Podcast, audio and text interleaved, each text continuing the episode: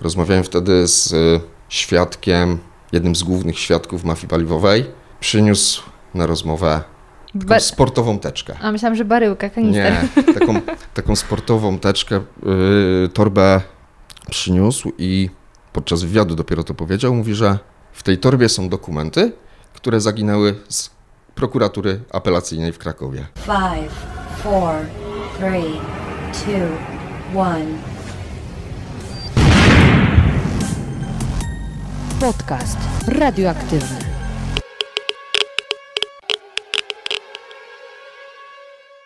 Dzień dobry, dzień dobry. Witam Cię w kolejnym odcinku podcastu radioaktywnego. Na początek krótkie ogłoszenia dusz podcasterskie. W podcaście Zmacznego możecie już posłuchać reportażu na temat kawy. Usłyszycie tam, czy warto płacić za kawę w kawiarni więcej, jak, jak właściwie powstaje taka kawa, jaką drogę pokonuje od plantacji do naszego, naszej filiżanki, jak wygląda praca baristy, o czym możemy porozmawiać z baristą, a także jakie są najlepsze kawiarnie w Polsce. Tego wszystkiego dowiecie się właśnie z najnowszego odcinka Zmacznego, w którym rozmawiam z autorami przewodnika Coffee Spots Polska. Także bardzo serdecznie Was zapraszam. Z tego co wiem, podcast Zmacznego jest już dostępny na wszystkich platformach i myślę, że nie będziecie już mieli problemu, aby go znaleźć. Kolejna rzecz to podziękowania za Waszą aktywność, za to, że do mnie piszecie, że oznaczacie podcast na Insta Stories, kiedy słuchacie. Jest mi zawsze niezmiernie miło podglądać, w jakich okolicznościach słyszycie e, dzień dobry, dzień dobry, w jakich okolicznościach słyszycie rozmów z moimi gośćmi. Takie chyba najbardziej egzotyczne miejsca, w których widziałam, że podcast jest słuchany, to na ten moment Syberia, a także Korea Południowa. Jest wspaniałe, że podcast dociera nawet do najodleglejszych e, zakątków tego świata.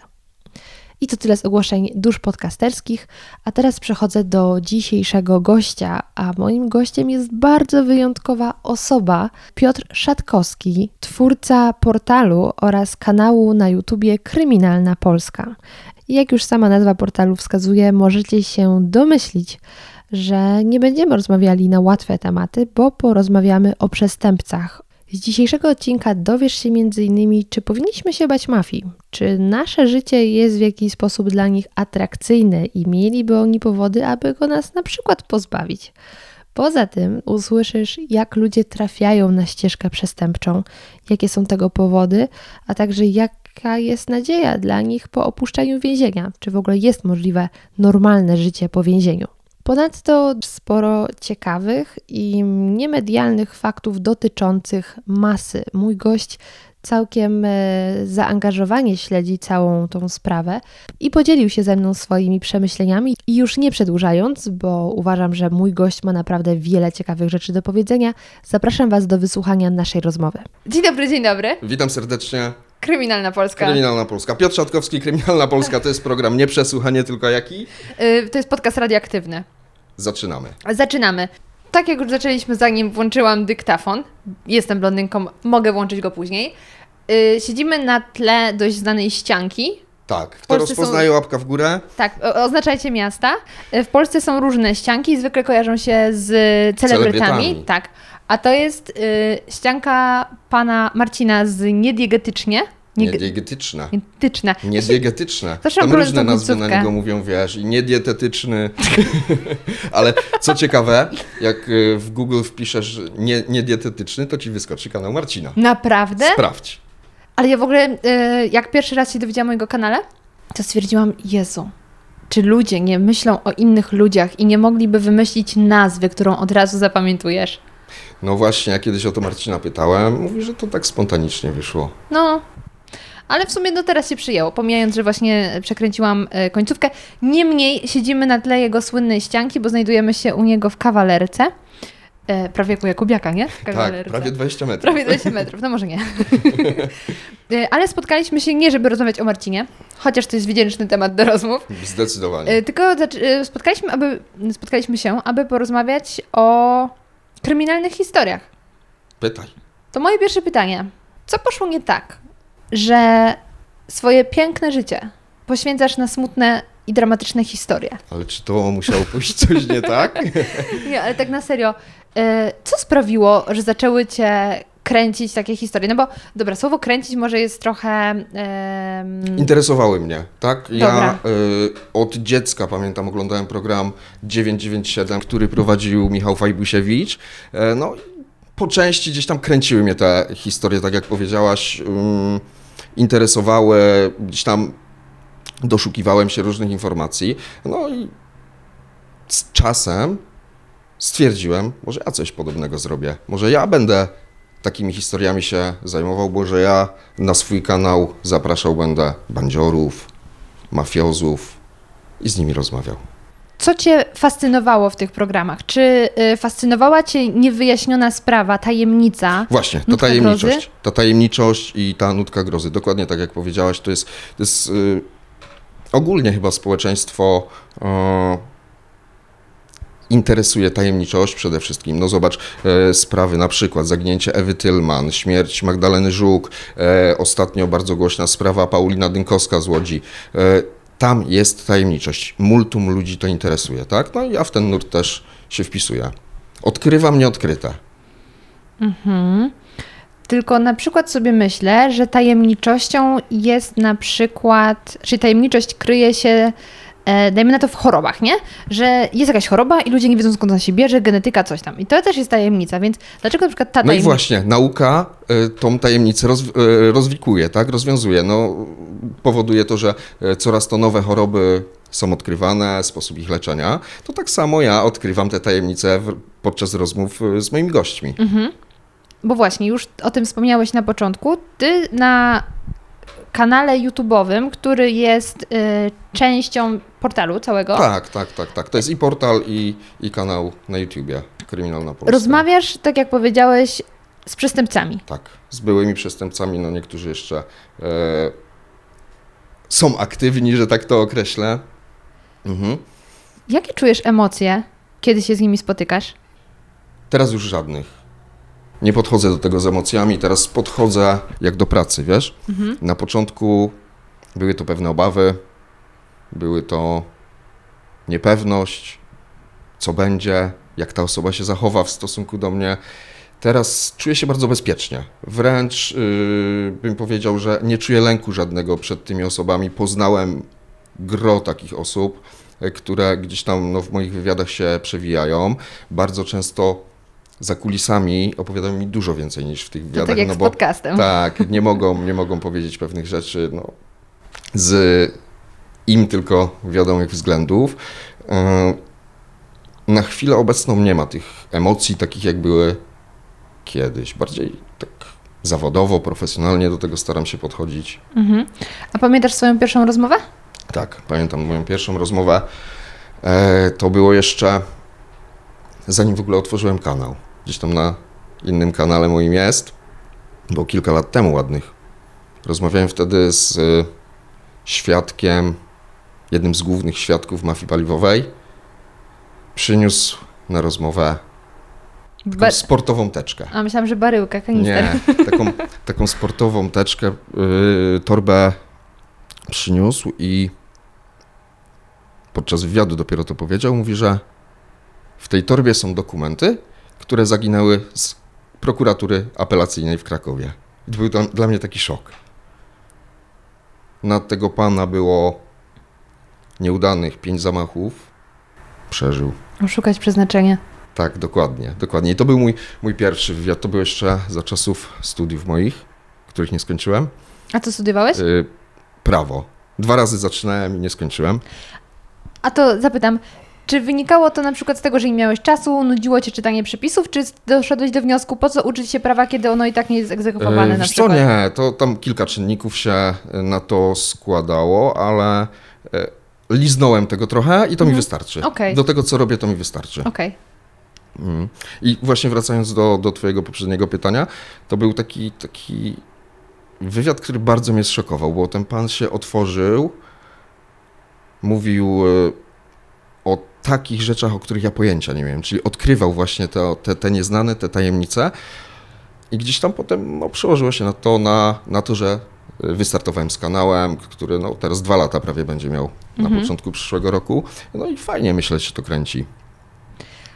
Rozmawiając z tymi ludźmi, zaczynasz rozumieć więcej w tych sprawach, czy bardziej słuchasz, y, jak gdyby otrzymujesz informacje, które oni ci przekazują, ale dalej nie jesteś w stanie zrozumieć całego procesu. Czy jednak przez to, że są ci, e, ci ludzie otwierają się przed tobą, są ci jak gdyby bliżsi niż e, przeciętnemu Polakowi, to trochę rozumiesz ich bardziej. Ja ich rozumiem i to bardzo dobrze rozumiem. Mm, I to ze względu na to, że ja nie byłem też krystalicznie czystym człowiekiem. Miałem tam jakieś e, wyroki na swoim koncie i potrafię wejść w ich buty, postawić się na ich miejscu i zrozumieć, tak? Nieraz no, rozmawiam z ludźmi, którzy poszli na współpracę z policją. Dla mnie jest to w dużej mierze przypadków niezrozumiałe, ale są sytuacje, gdzie ci ludzie byli też pod murem postawieni i, i to potrafię również zrozumieć. Ja nie patrzę na nich jak na bandytów, czy też byłych bandytów, ale na ludzi. Bo to są normalni ludzie, którzy gdzieś tam zbłądzili w pewnym okresie swojego życia, albo gdzieś tam życie ich zmusiło do czegoś, albo środowisko, w którym się wychowywali, czy też nawet zwykła chęć zarobienia wielkich pieniędzy. Czyli chcesz mi powiedzieć, że nawet jak rozmawiasz z osobą, która dopuściła się jakiegoś morderstwa, to stwierdzasz, okej, sytuacja może go do tego zmusiła? Nie, nie, nie, nie. nie. Czy bardziej E, chodzi, Chodzi o mi o, w ogóle o wejście na drogę przestępczą, Okej, tak? tak, to to A rozumiem. potem to już no, kula śniegowa, lawina. Dobra, to, to jest dla mnie zrozumiałe, bo zapowiedziałam oczywiście na mojej grupie dla patronów, że będziemy rozmawiali o kwestiach kryminalnych Mhm. i czy są jakieś do Ciebie pytania. I jedna z osób e, zadała od razu pytanie, to co jak gdyby dostajemy w domu, jak zostajemy wychowani i w ogóle wpływ matki ma potem przełożenie na e, to życie przestępcze. Więc powiedziałam, że no, myślę, że to jest bardziej pytanie do psychologa, żeby gdzieś tam się zagłębić, Znaczy, ale z Ja, ja ci odpowiem z mojego doświadczenia, jak to wygląda. Bardzo często e, ludzie, z którymi rozmawiam, pochodzili z niepełnych rodzin albo z rodzin, w który patologicznych. W dużej mierze właśnie te osoby z takich środowisk e, pochodziły, ale oczywiście zdarzają się e, też ludzie, którzy z dobrych domów pochodzą i gdzieś tam, nie wiem, na przekór rodzicom coś chcieli zrobić i wplątali się w jakieś środowisko. Czyli, ale e, zdecydowanie to, co e, w młodości ci ludzie otrzymali, środowisko, w którym się wychowali, wychowali czy to domowe, czy podwórko, na którym się wychowali, czy dzielnica, e, mają ogromny wpływ na to, że później e, zostali przestępcami. Ja w sumie w wielu odcinkach mówię o tym, ale to jest trochę jak gdyby pokłosie moich studiów, gdzie troszkę liznałam psychologii, nie mogę się nazwać psychologiem, ale liznałam tej psychologii. I właśnie na psychologii rozwojowej uświadomiłam sobie, jak ważnym e, etapem w życiu jest dzieciństwo i to od pierwszych miesięcy i jak bardzo rodzice mają naprawdę wpływ na ludzi i Rodzice, otoczenie Tak. całe to bliskie, ten, ludzie, z którymi przebywamy. Dom, tak, dom, dom. dom i, i w ogóle właśnie podwórko chociażby. E, więc czy nawet przedszkole, szkoła. tak, a szczególnie na przykład jak, y, nie wiem, klasa się znęca nad kimś i później on chce jak gdyby się zrewanżować, e, bo na dorosłości już Wiesz co, ja miałem w liceum takiego kolegę, który no, był takim popychadłem klasowym i on po, mm, po skończeniu liceum poszedł do wojska, zawodowego wojska, no i na misję zaczął jeździć. Moim zdaniem to był jego taki rewanż za to, co otrzymał właśnie w tej szkole średniej, czyli takie, wiesz, Mm. To gdzieś trzeba odreagować. no odreagow- odreagowanie dokładnie. Dobra, drugie pytanie, które pojawiło się na grupie, to było pytanie o to, jaka sprawa Tobą najbardziej poruszyła. Polska sprawa. Polska sprawa, jaką, jaka mną najbardziej poruszyła. E, nie ma chyba jednej takiej sprawy, która by wstrząsnęła mną najbardziej. No, teraz wiesz, e, żeby się do tego odnieść, to by trzeba sprecyzować to pytanie, czy to sprawa jakaś z przed x lat, czy jakaś sprawa obecna, nie? Mm. No to dawaj z, dwóch kategorii. Z dwóch kategorii, okej, no Na dobra, to, to jak lecimy, tak to lecimy. E, Z lat 90. taka sprawa, która e, mną wstrząsnęła, to jest na pewno zabójstwo Wojtka Kiełbińskiego, Kiełbasy. Sprawa niewyjaśniona do teraz. Przybliżysz trochę? Przybliżę. Ale tak bez drastycznych, wiesz. Bez drastycznych. Znaczy, ja wiesz ja co, to w było... nocy wracam pociągiem. Nie, y, to nie, nie chodzi mi o to, e, że wstrz- wstrząsnęła mnią, m- mną jakąś brutalnością, Mhm. tylko sposobem działania służb w tej sprawie. A, To jest sprawa niewyjaśniona do teraz. Mam swój typ co do tego, co tam się stało e, i kto tego dokonał. Było dwóch przyjaciół, Masa i Kiełbasa. masę chyba wszyscy znają. Tak, masę znają, no obecnie. No było dwóch przyjaciół z Pruszkowa, mafia pruszkowska, Masa Kiełbasa, którzy później się poróżnili. No po tym jak się poróżnili po jakimś czasie... Ej, dosz- chyba w każdym gangu w końcu dochodzi do poróżnienia.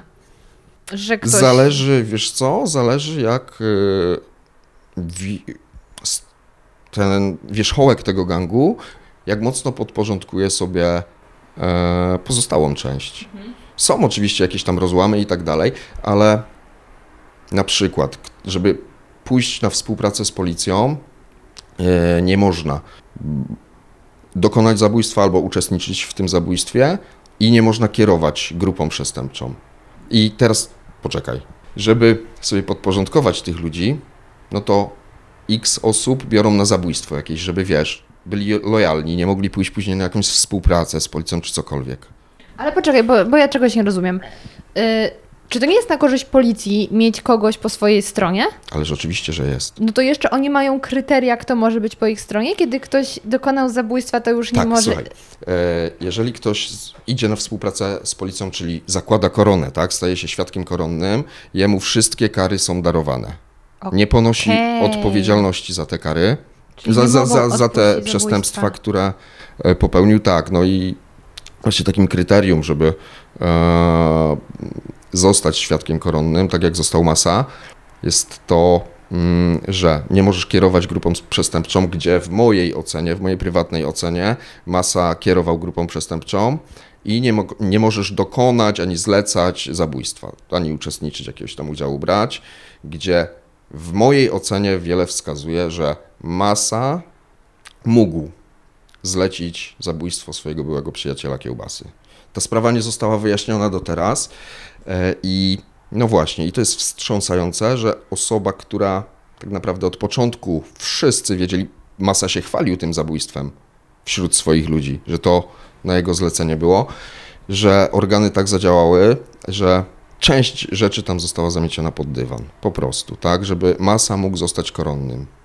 Czyli takie naginanie prawa. Naginanie trochę, prawa, nie? tak, oczywiście, słuchaj. W ogóle z tymi, z tymi świadkami koronnymi, bo są duzi świadkowie koronni, tak, i mali świadkowie koronni. I nie chodzi o wzrost. Nie chodzi tutaj o wzrost, tak. E, Do teraz prokuratura wykorzystuje tych, no teraz już bardziej tych małych świadków koronnych do, do zamykania spraw, do nabijania sobie statystyk, do e, jakby hmm, oskarżania fałszywych, oskarżeń fałszywych, tak, wobec, wobec różnych ludzi. W Poznaniu tutaj e, mieliśmy ostatnio taką sprawę małego świadka koronnego Ramzesa, który był oskarżony o dwa gwałty. Prokuratura poszła z nim na układ. Mówią: Słuchaj, potwierdzisz nam to, to, to i to, my ci te gwa- gwałty darujemy. No i tak się stało. Natomiast e, Ramzes po jakimś czasie spotkał się z przestępcą, którego fałszywie pomówił, z Westernem. Western nagrał tą, tą, tą e, całą rozmowę między nimi, gdzie on mu powiedział: Słuchaj, e, CBS i prokuratura kazała mi fałszywie na ciebie zeznać, na Materle Michała, sportowca, tak, który się bije, i jeszcze na szereg e, innych osób. On to nagrał i zaniósł do prokuratury. No zobaczymy, co się dalej będzie działo. E, Ten sam świadek w mojej ocenie był podstawiony przez prokuraturę do sprawy e, zabójstwa Ewy Tylman, gdzie zeznał na sali sądowej, e, że oskarżony w tej sprawie, czyli Adam Z, przyznał mu się na spacerniaku do dokonania tego zabójstwa Ewy Tylman. Na szczęście sędzina, pani sędzina Magdalena Grzybek e, miała na tyle e, rozsądku, żeby to zweryfikować. Ściągnięto człowieka, który jest odpowiedzialny za dokumentację w areszcie śledczym w Poznaniu i ten człowiek powiedział, że oskarżony nie chodził na spacerniak. Taki niuansik. Taki niuansik, tak. Poza tym e, ten Ramzes, no to jest multirecydywista. oskarżony Adam Z był osadzony w areszcie śledczym po raz pierwszy, więc nie mogli nawet razem pójść na spacer. Czy też mieszkać na jednej celi, na jednym oddziale. Pani, co, co dalej, tak? Co dalej? Y, Pani sędzia Magdalena Grzybek przesyła protokół tej rozmowy, rozprawy do prokuratury. Celem postawienia zarzutów Ramzesowi y, składania fałszywych zeznań. Prokuratura niestety nie dopatruje się tam fałszywych zeznań. Wyobrażasz sobie to? Wiesz co, ja sobie tego nie wyobrażam, ale myślę o innej rzeczy, jak mi tak teraz to opowiadasz, mój drogi Piotrze, że ja pamiętam, jak poszłam parę lat temu, bo to było parę lat temu, e, z tatą do kina na drogówkę. I ja wyszłam z tamtego filmu i czułam taki dyskomfort. Po prostu czułam, że tak mi jest źle. I, i, i teraz słucham tych Twoich opowieści i zastanawiam się, jak to jest, że Ty czytasz, śledzisz to wszystko z pasją i z takim zaciekawieniem, bo jak ja słucham takich historii, to sobie myślę, że to jest aż niewyobrażalne, że jest to takie życie moje codzienne, a gdzieś tam po drugiej stronie jest ten zupełnie inny świat. To życie jest obok bardzo- nas. To jest To obok. życie jest obok nas i to się przeplata wszystko, tak? To, to, to nie jest tak, że to jest, nie wiem, oddzielna planeta, na której to się No, dzieje. I to, jest, między nami. To jest przerażające, bo ja wiesz, tutaj jakieś foteczki na Instagram, tutaj się martwimy jakimś algorytmem, jakieś tam prace na studia, a wiesz, pod blokiem nigdy nie wiesz, czy ktoś ci nie wyskoczy z jakimś pistoletem, bo się okaże, że mieszkasz koło mafioza. To Oczywiście, jest przerażające. oczywiście. Zastanawiałaś się kiedyś, idąc ulicą, ilu minęłaś przestępców, ilu minęłaś na przykład osób, które kogoś zabiły? Dzięki, już dzisiaj nie spojrzę na przechodniów tak samo. Ja kiedyś się zastanawiałem nad tym e, i nie jesteś w stanie tego określić. Nie jest, i wiesz, i chyba lepiej nie myśleć o tym, bo to tak jakbyś wychodząc za każdym razem z domu się zastanawiał, czy mi się nie sprzątnie samochód na przejściu dla pieszych? No nie da się żyć w takim Nie, nie, świecie. ja w kontekście, wiesz co, w kontekście e, tego, że to życie jest obok nas, tak? W No takim tak. kontekście na to patrzyłem. Nie, że czy mnie ktoś zabije, tylko czy minąłem na przykład, idąc dzisiaj na spacer, minąłem jakiegoś przestępcę. Jak umówiliśmy się na rozmowę, bo powiedzmy połączył nas Marcin, to e, powiedziałam Ci, że jestem z Dolnego Śląska, okolicy z Gorzelca. Mhm. I Ty od razu stwierdziłeś, a no to wiadomo, Carrington. I, I to jest niesamowite, że chyba Ty jak kogoś nowego poznajesz i ktoś Ci mówi skąd jesteś, Ty już masz taki radar skąd, to tam w Tak, okolicach tak, działa. tak, tak, tak. To takie zboczenie zawodowe, wiesz, to jest tak, jak no na przykład, wiesz, powiedziałabyś mi, że jesteś ze Szczecina, no to już wiem, kto tam działał, tak? Jesteś Pruszków z to w ogóle cała z rodzina, nie? Z, Trójmiasta, no to, to ja sobie też... e, Gdzieś tam e, szukam od razu w pamięci, co tam, co tam się działo. E, ale też bieżące sprawy jakieś też, ktoś jest, nie wiem, z jakiegoś mniej- mniejszego miasta, jakiś artykuł pisze akurat, no to poznam kogoś i mówię, a u ciebie to ostatnio to się działo. to jest takie zboczenie zawodowe, tak, tak i to jest. Ale y, odnośnie właśnie mafii w Zgorzelcu, to powiem Ci, że ja jakieś myślę półtora roku temu, jak już trochę podrosłam, no bo to tam jak Nie, no wyrośnięta, to ty jesteś. Y, rozmawiałam z bratem i on mi tak zaczął opowiadać, jak to kiedyś się na tych naszych y, terenach działo. W formie, on tego nie pamięta, ale y, włączył mi parę filmów właśnie na YouTubie, tam Mafia.pl i tak dalej. Pozdrawiamy Filipa z mafia.pl. Ja w ogóle, jeśli teraz to, drogi Filipie, oglądasz, to zawsze się zastanawiałam, czy ten człowiek nie boi się wychodzić z domu, jak on mówi o tym głośno. Bo wydaje mi się, że to jest takie tematy, o których się głośno jednak trochę nie mówi. A tu proszę YouTube i tam, wiesz, z nazwiska wymieniasz ludzi albo z ksyw. Ale jeszcze tylko To były takie... Dobra, dokończ, dokończ, Tylko chcę dokończ. skończyć. I ja słuchając tych opowieści, oglądając kolejne filmy o tym, co działo się w Zgorzelcu, sobie myślę, to jest niemożliwe, że ja wtedy już chodziłam po tym świecie i to się działo dosłownie obok mnie. Co więcej, w mojej miejscowości y, często w weekendy ktoś został zrzucany z mostu. Bo była jedna dyskoteka i tam y, działy się różne złe rzeczy, no bo mafia dookoła działała. I, I dla mnie w pewnym momencie to było takie, a kogoś zrzucili, no spokojnie, w sensie to była norma. Mhm. I ja wtedy może miałam z 5 lat, ale jak podrosłam i tak stwierdziłam, wow, wow, wow, wow, to, że się kogoś rzuca z mostu, to nie jest norma. To nieważne, że była dyskoteka. Widzisz, wyrastając w takim środowisku, dla ciebie gdzieś tam ta granica się zatarła, przesunęła, że to jednak no, działo się, jest normalne, tak, no dzieje jest się dyskoteka, tak. to wiadomo, nie? No. I ta granica, wiesz, gdzieś tam się zaciera i u przestępców też to się zacierało, tak? Gdzieś, no, popełniali drobne przestępstwa, coraz większe, większe, większe, większe, większe. No widzisz na swoim przykładzie, jak to No zadziałało. właśnie, tylko ja, Mając to ja obok to siebie, gdzieś słyszałam, że coś się dzieje, nie? Że Mhm. była jakaś impreza, ale zastanawiam się, czy mm, jest jakiś teren, obszar w Polsce, który jest jak gdyby czysty nie ma. z, z takich zamieszek, z gangów? Nie, nie. Czyli Kiedyś, wszędzie wiesz co, Zakopane było traktowane w latach 90. jako taka święta ziemia, powiedzmy. Że tam, gdzie tam jest... nikt nikogo nie rusza, no aż do momentu zabójstwa Pershinga. A, oglądałam to na Mafia.pl. Lokowanie. Było, było coś, że tam po raz pierwszy chyba wtedy Tak, strzelili. po raz pierwszy wtedy doszło tam do, do strzelania. No, był taki neutralny teren do tego czasu to był. Na chwilę obecną nie ma, yy, nie ma takich terenów. Działają czy to mniejsze, czy większe, yy, mniej lub bardziej zorganizowane grupy. O. Mhm. Tylko zmienił się rodzaj przestępczości, bo no, w latach 90. to jednak brutalność. Brutalność, krew, strzelaniny. Jezu, jak ja trupy. pamiętam, jak obejrzałam Jumę. Tą taką, Mhm.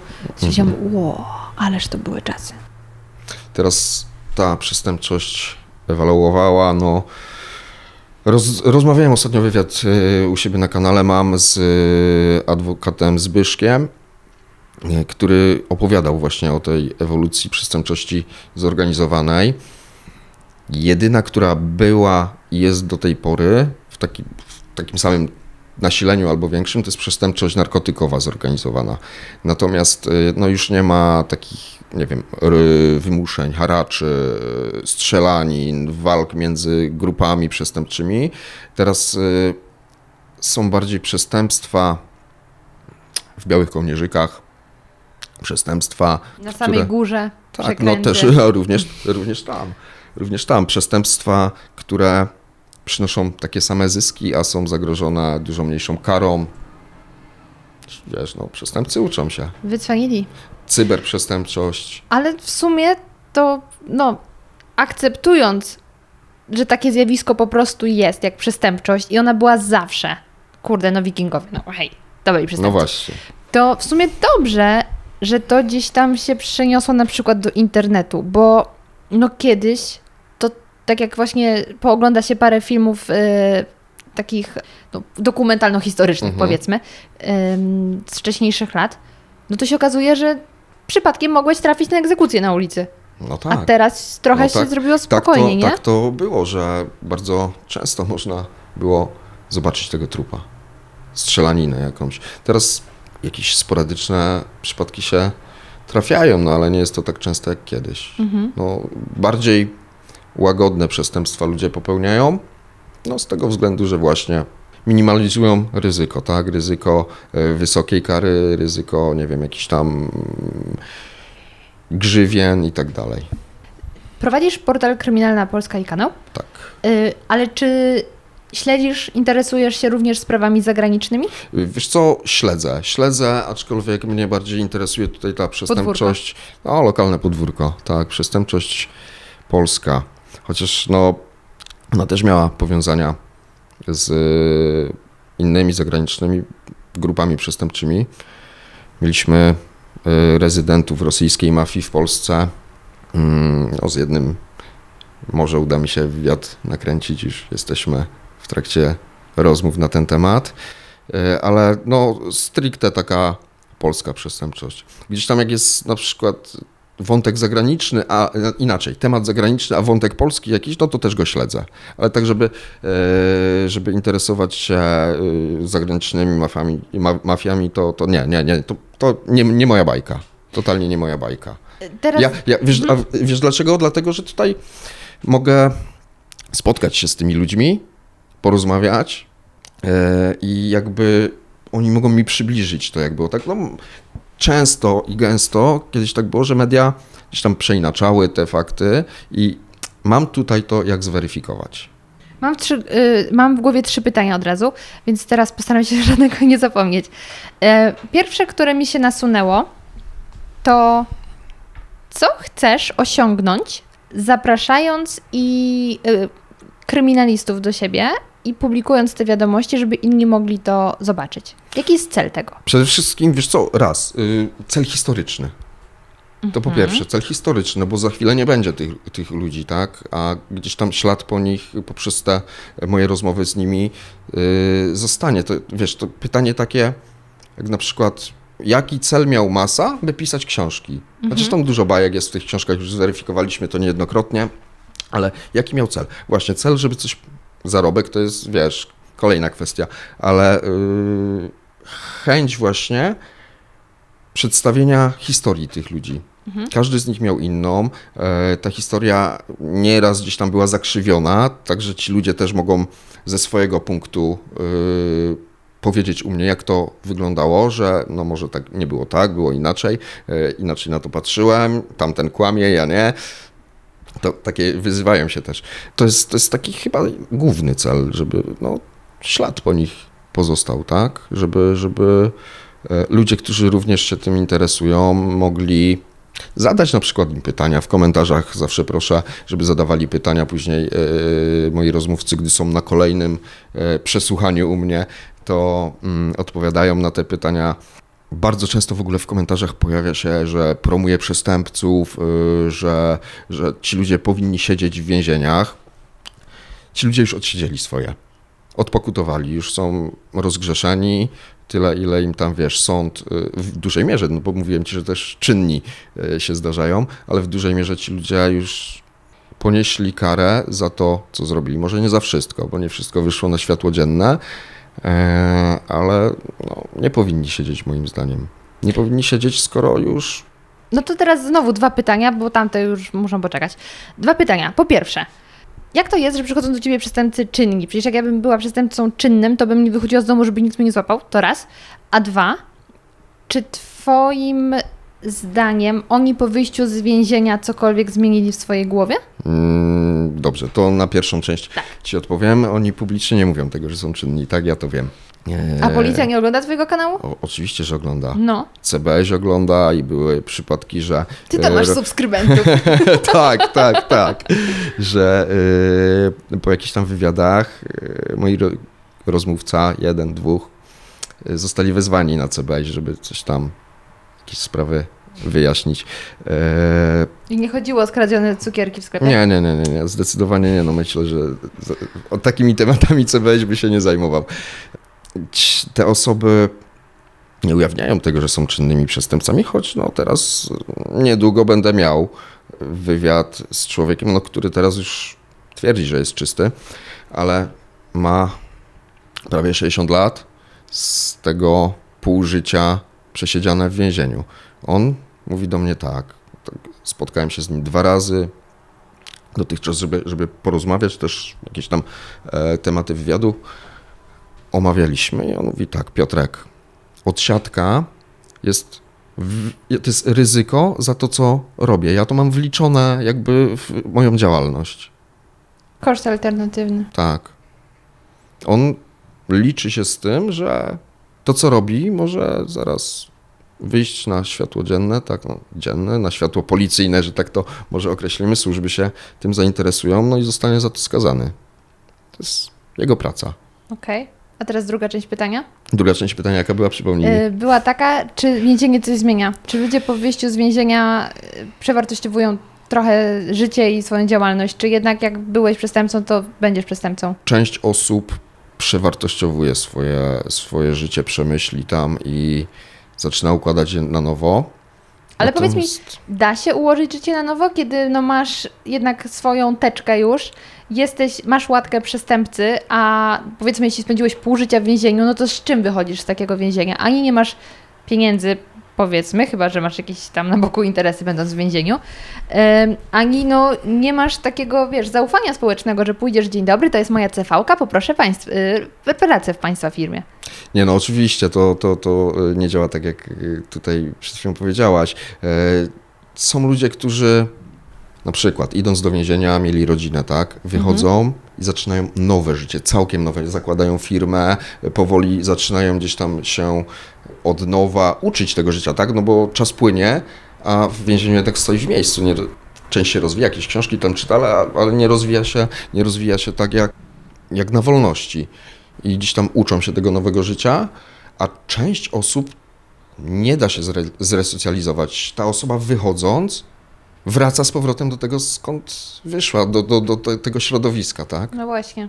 Więc To jest- tutaj to jest indywidualna kwestia człowieka, moim zdaniem. Nie można jednoznacznie określić, czy więzienie resocjalizuje, czy nie. Mhm. Tak samo, nie wiem, no, dziecko w przedszkolu, tak? Chmurka w dzienniczku, jednego nauczy czegoś, żeby nie robił, a drugiego nie. Innego tylko wkurzy. No, I następnym razem będą błyskawice. wiesz, ja się bardziej obawiam władz niż tych przestępców tak naprawdę.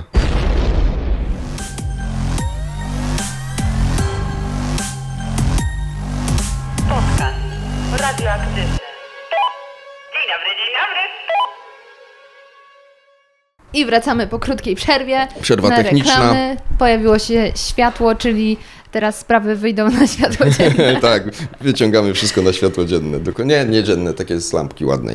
Jak Światło. na przesłuchaniu, nie tak w Jak oczy. na przesłuchaniu, o właśnie. Myślisz, że oni na przesłuchaniach naprawdę mają taką lampkę w oczy? Że Nie. nic nie? Okej, czyli to Nie. filmy. Byłem przesłuchiwany niejednokrotnie i nie, nie jest tak. Częstują kawą? E, nie, kawy nie dostałem chyba A. nigdy. To nie ma co się pchać do E, więzienia. papierosa dostałem. Serio? Tak. O, patrz. Em, pytanie, które chciałam Ci zadać wcześniej, odnosi się do tej ścianki, Mhm. a właściwie do Marcina. Bo Marcin na, swoich, em, na swoim kanale porusza przede wszystkim, wydaje mi się, jednak historie zagraniczne. Ich jest u niego, wydaje mi się, że więcej. Tak, polskich jest trochę, natomiast Trochę zagranicznych mniej. zdecydowanie I więcej. bardzo często on opowiada o przypadkach porwań, na przykład, że jakieś tam dzieci zostały porwane na plaży, albo jakimś e, zabójcy, tak jak to akurat był chyba odcinek jego podcastu. Podcast się nazywa Kryminatorium. Zapraszamy. Zapraszamy. Jest wyżej w rankingach oczywiście ode mnie, ale jestem z niego i tak dumna. E, I, i tam był jeden odcinek o dziewczynie wyrzuconej z pociągu. Zresztą relac- na relacji, którą jeżdżę i od tego czasu boję się jeździ pociągiem. No właśnie rozmawialiśmy przed nagraniem o tym, tak? Toruń, oj, Toruń. Więc on porusza takie mm, przypadki, historie osób, które zostały y, albo porwane, albo zamordowane przez no, psychopatów. Mhm. To są, myślę, psycho, psychopaci, a wątki gangów są rzadziej poruszane. Natomiast wydaje mi się, że ty się głównie U mnie, u mnie tak, prawda? u mnie bardziej przestępczość zorganizowana. Tak, i to yy, no, ludzie, którzy do mnie przychodzą, z którymi rozmawiam, no, działali w strukturach zorganizowanych i znakomita większość tych ludzi miała zarzuty działalności w zorganizowanych grupach przestępczych, bardzo często również zbrojnych grupach. A w jakikolwiek sposób e, też śledzisz przypadki takich głośnych spraw, jak na przykład y, Kajetan? Tak, oczywiście. Kajetan Bieżąco. P? Był P? P, tak. Tak. Kajetan P i to tam od... yy, Nie trać głowy do chłopaka z Żoliborza. Tak. Mm, śledzę te bieżące sprawy, oczywiście. Na bieżąco, na bieżąco je monitoruję. Gdzieś tam na Facebooku też śledzę e, grupy, gdzie te przypadki są nagłaśniane, bo zazwyczaj jak jest taka, taka no, bardzo medialna sprawa i jak jeszcze jest tajemnicza, no to tworzą się na Facebooku grupy, jakieś fanpage. To było niesamowicie właśnie widoczne w przypadku Magdaleny Żuk. Tak. Ja, ja się zupełnie nie interesuję taką tematyką, a jednak wiedziałam, co się dzieje w temacie Magdaleny Wiesz, Żuk, bo bo me, me, media, media, media, wszystkie media I o tym oczywiście mówiły, tak? tutaj wchodzi Rutkowski na kwadracie. No To- właśnie. On bardzo często w takich sprawach e, się przejął. Miałem okazję z nim współpracować. Nie polecam nikomu. Szczerze nie polecam współpracy z tym panem. Uczestniczyłam w jednym z wywiadów, e, w których wypowiadał się. Znaczy się, trzymałam kamerę, kiedy moja koleżanka kręciła ten wywiad. I to jest samograj. Rzucisz mu jedno zdanie i on ten wywiad sam ze sobą Tak, przeprowadzi. tak, tak, tak, tak.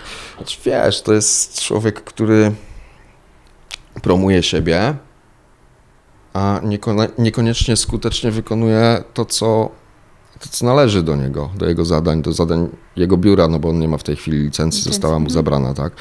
E, miałem okazję przyglądać się od środka pracy jego, jego biura, pracowniko, pracowników e, przez no, dłuższy okres i nikt chyba nie chciałby wynająć takiego detektywa. Jest Okej. to, ja może nazwę to tak ładnie, pozorowanie działań. Bardziej nagłaśnianie medialne chyba, nie? niż... A z drugiej strony mówienie poszkodowanym, że się coś robi, jak się nie robi, osobom, które tam się zgłosiły do niego, nie, że zrobiłem to, tak de facto to nie było wykonane.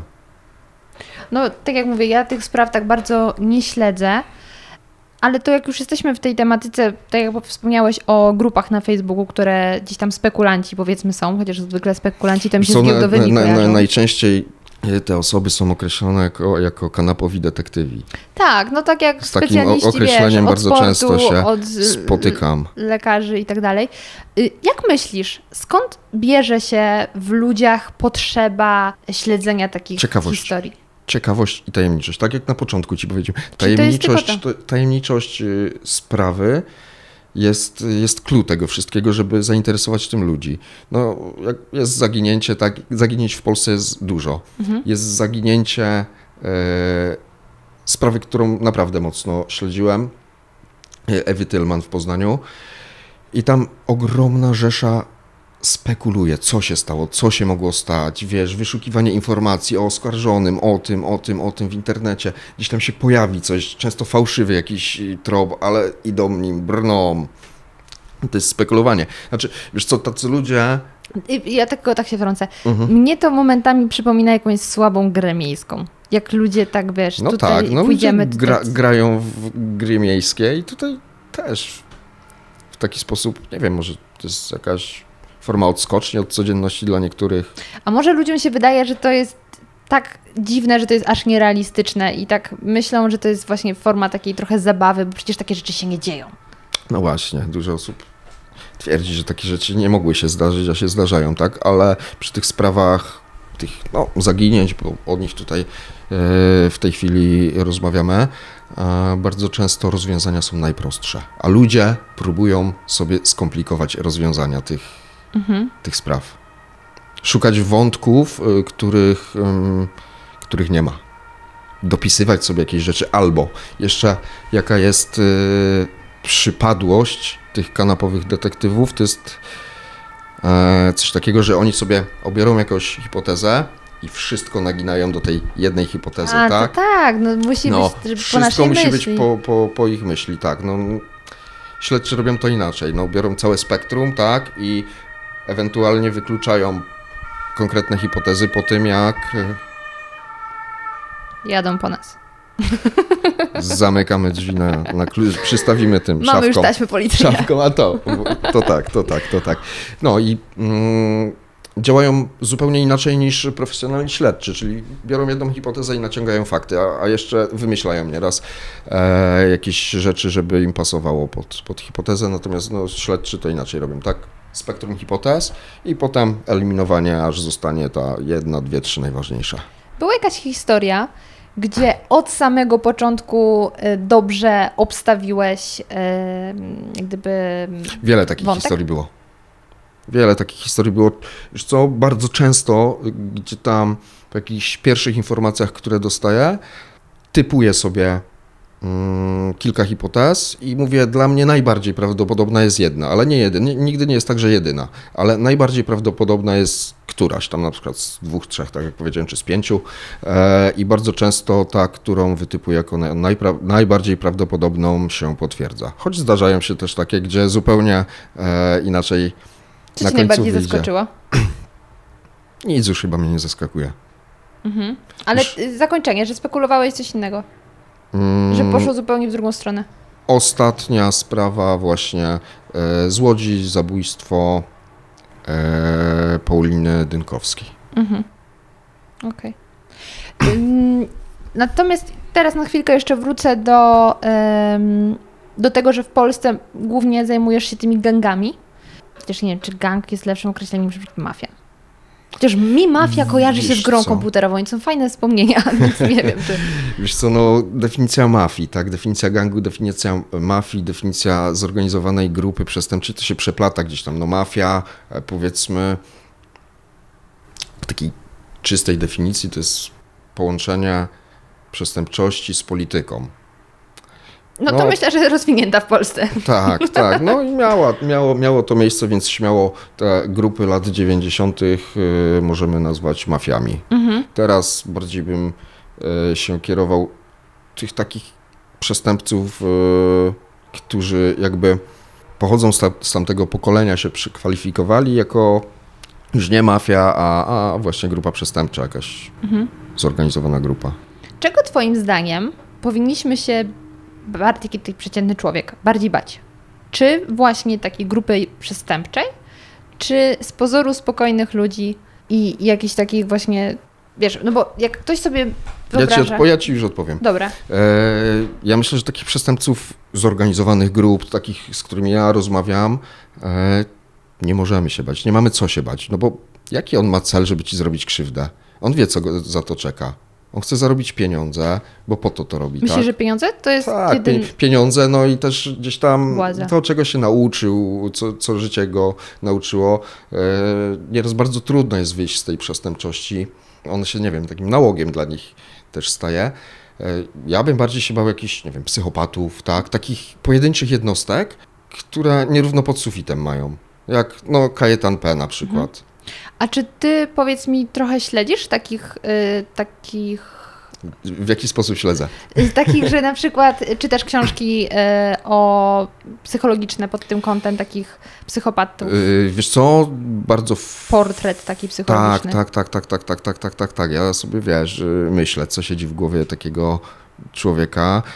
Książki czytam bardziej takie dokumentalno, dokumentalne, doku- dokumentalno-historyczne, natomiast bardzo ciekawi mnie pro, profilowanie kryminalistyczne, tak? Profil mordercy, profil jakiegoś złodzieja, profil osoby na przykład, która godzi się na współpracę z policją. Jak, co, co musi zaistnieć w głowie takiego człowieka, żeby, żeby zrobił to, tak? No, jaki, jaki jest mechanizm? Nieraz jest to sytuacja, tak? A nieraz jest to coś, w przypadku jakichś psychopatów, gdzie e, przez jakiś okres coś narasta, narasta, kumuluje się, no i jest wybuch tego wszystkiego. Y, Już wstępnie wcześniej o tym rozmawialiśmy, ale wtedy jeszcze nie nagrywaliśmy podcastu. Czy ty, mając w głowie te wszystkie historie, wychodząc na ulicę, czujesz się pewniejszy, bo wiesz, co ci potencjalnie grozi? Czy wręcz przeciwnie, czujesz się bardziej zagrożony, bo wiesz, ile złych rzeczy dzieje się na świecie? Ja się czuję bardzo bezpiecznie. Wiesz, ja się e, bardziej obawiam władz niż tych przestępców tak naprawdę. ZUS-u. No też, tak, no jakieś tam, wiesz, instytucje państwowe, nie? Które, które z założenia są przeciwne człowiekowi, bo tak. Boże, jakie to jest smutne. To jest chyba najsmutniejsza rzecz, jaką powiedziałeś w ciągu tych 47 minut. No ale najbardziej prawdziwa chyba z y, tych wszystkich takich dosadnych, nie? Rzeczy. No państwo nie nastawia się ku człowiekowi, tylko przeciwko człowiekowi. No idź do urzędu i zobacz, jakie jest po- podejście urzędników. Nie trafiałam na miłe, panie. Ale może dlatego, że mam różowe włosy. O, no może dlatego, może To tak z dlatego. litości, ja, tak. Mhm. ja nie mówię, że wszyscy to są, ale, ale jest dużo osób, które no, urzędnikami są po to, żeby, żeby odbębnić x godzin, wiesz. No ale yy, wracając do, do twojego pytania, to ja nie boję się wychodzić na ulicę. Coraz częściej w ogóle mnie mm, bardzo miło zaskakuje, jak ludzie podchodzą do mnie na ulicy i wiesz, i mówią, a słuchaj, dobra robota, fajnie, rób to dalej, dobrze to robisz. Oczywiście są też hejty. Na ulicy nie, w komentarzach są hejty. Na żywo nie ma hejtów. No właśnie, nie spotkałem się jeszcze z hejtem na żywo, ale w komentarzach bardzo często Mhm. jest. Ja, wiesz co, mm, gdzieś tam mam już grubą skórę na te, na te hejty. Ale E, e, wspomniałeś o tym, że ludzie ci zarzucają, że promujesz przestępczość. Czy coś jeszcze się pojawia w tych komentarzach? Tak, że no, dlaczego ubrałem damski zegarek, nie? Taki komentarz był, no to odpisałem, że wiesz, jakbym ubrał. Nie, nie jakbym, jakbym ubrał męski, to by nikt nie, nie zauważył go. Takie głupie te niektóre komentarze, ale że wiesz, no, że, że promuję mm, przestępców, no to jest taki jeden z głównych zarzutów. No dobra, a powiedz mi, jakie tytuły, chociaż nie chodzi mi dosłownie o tytuły, czyli clickbait, ale jakie sprawy cieszą się największym zainteresowaniem zarówno na e, portalu, jak i na YouTubie? Na portalu sprawy brutalne i nietypowe. Mhm. to, to na pewno one mają najwięcej e, oglądalności. Na YouTubie nie ma, nie ma wiesz co, mm, reguły. Mhm. Bardzo na przykład dużą oglądalnością cieszy się Misiek z Nadarzyna. Bardzo taka ciekawa postać. E, z tego względu pewnie, że on potrafi i humorystycznie coś powiedzieć i jeszcze dopierdolić nieraz tak, że, że wiesz, że e, uszy nieraz więdną. Ale nie ma, nie ma tematów jakby, które, które by cieszyły się większą popularnością lub nie cieszyły. Zależy od, y, od tych, od algorytmów YouTube'a.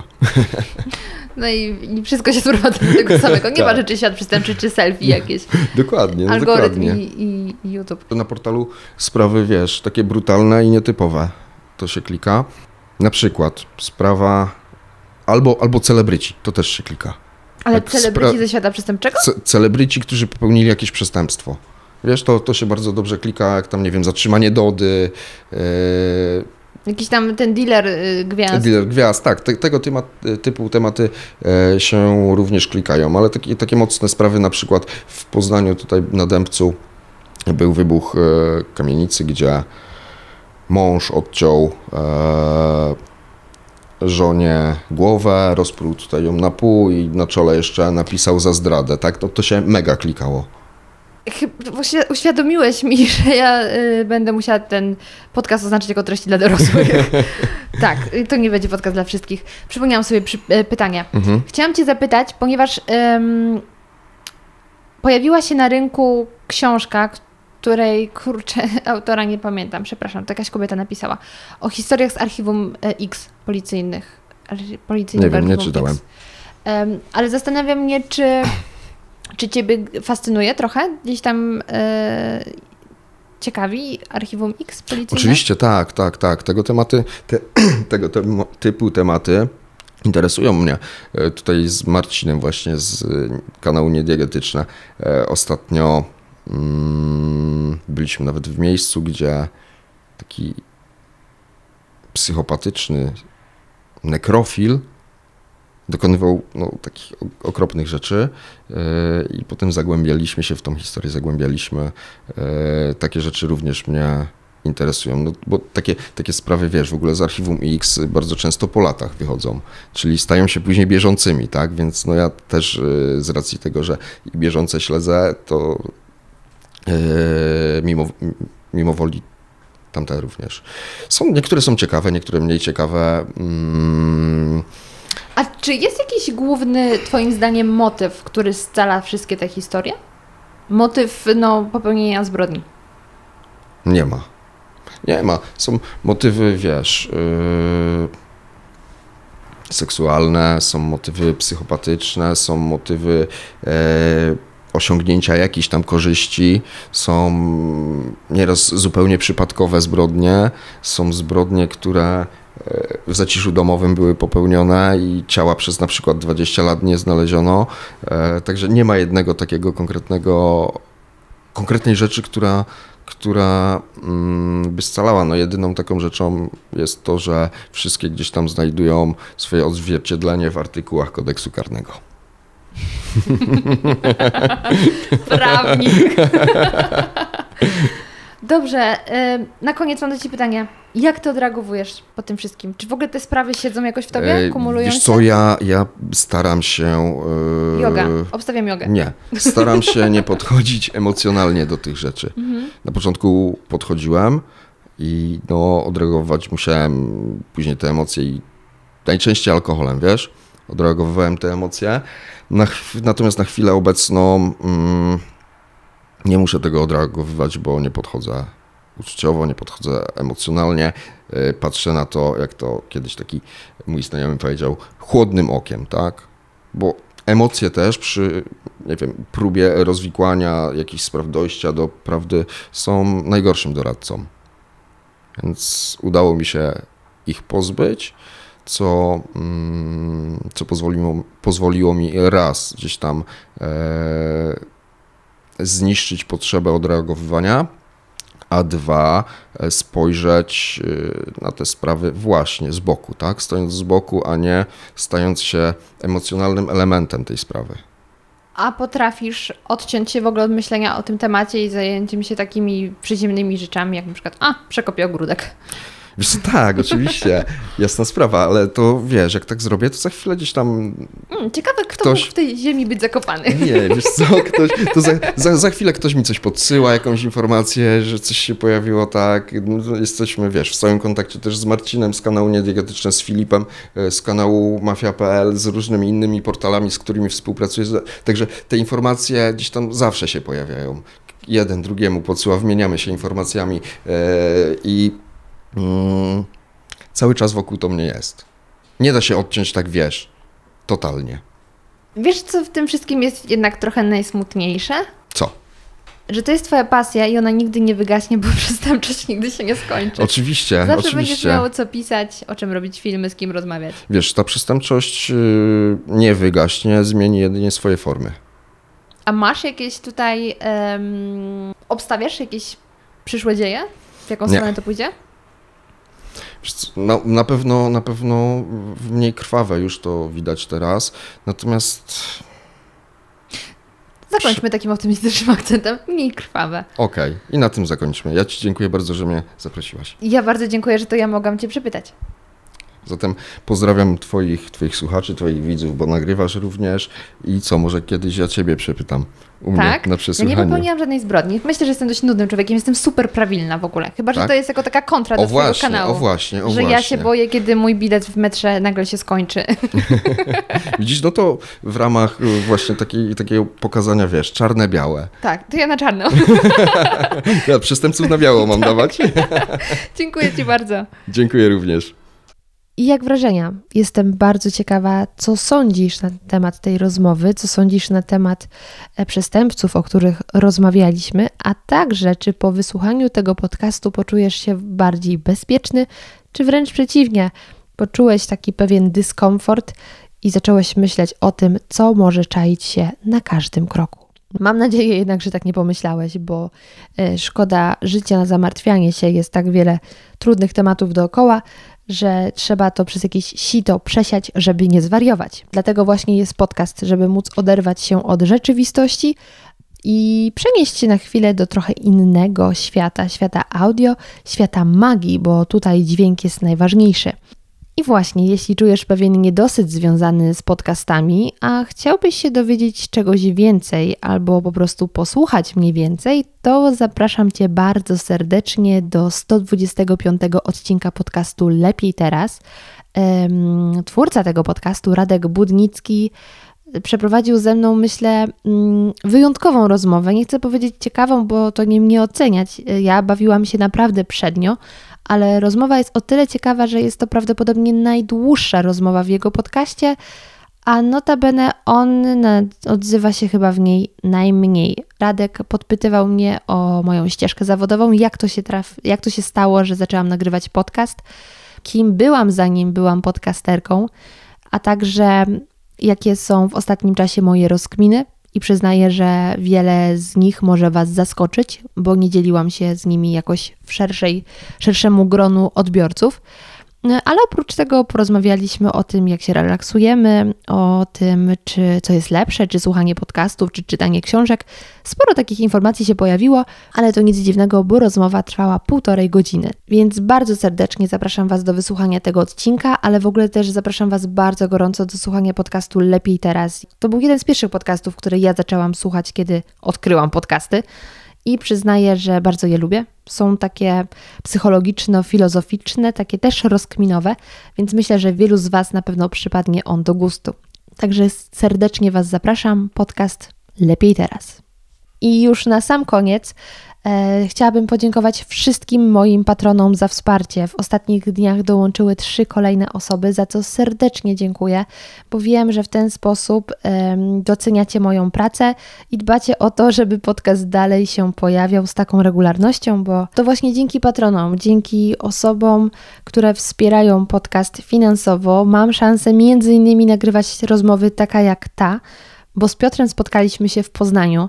E, Także dzięki Waszemu wsparciu jestem w stanie pokryć wszystkie koszty podróży, a mam nadzieję, że tych podróży będzie coraz więcej, bo poza Warszawą jest bardzo dużo niesamowitych gości, z którymi ogromnie chciałabym porozmawiać i aby to się stało, potrzebuję Waszego wsparcia. I to już wszystko. No może jeszcze jedna rzecz, jeśli chciałbyś ocenić podcast w iTunes, to gorąco Cię do tego zachęcam. Podcast ma wtedy szansę trafić dalej i nasza radioaktywna chmura mogłaby się po prostu szerzyć. Bardzo Ci dziękuję, to wszystko z mojej strony. Zapraszam Cię już za tydzień do specjalnego 50 odcinka.